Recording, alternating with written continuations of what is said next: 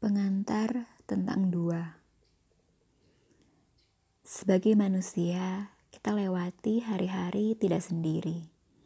Sebab, kata bahan ajar zaman sekolah dulu, kita ini makhluk sosial. Berinteraksi dengan insan lain, meski pada bentuk sederhana sekalipun. Hari berganti hari, yang sebenarnya juga bukan milik kita pun dilewati tak hanya soal hubungan manusia. Berhadapan dengan pilihan-pilihan, akan dengarkan lagu apa pagi ini, ingin pesan makan apa saat siang. Pun ada banyak hal yang bisa terhubung dari dua.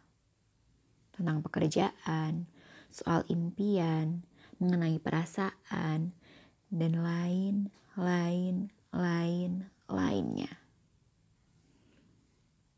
Selamat datang di musim baru cerita kita sama dua.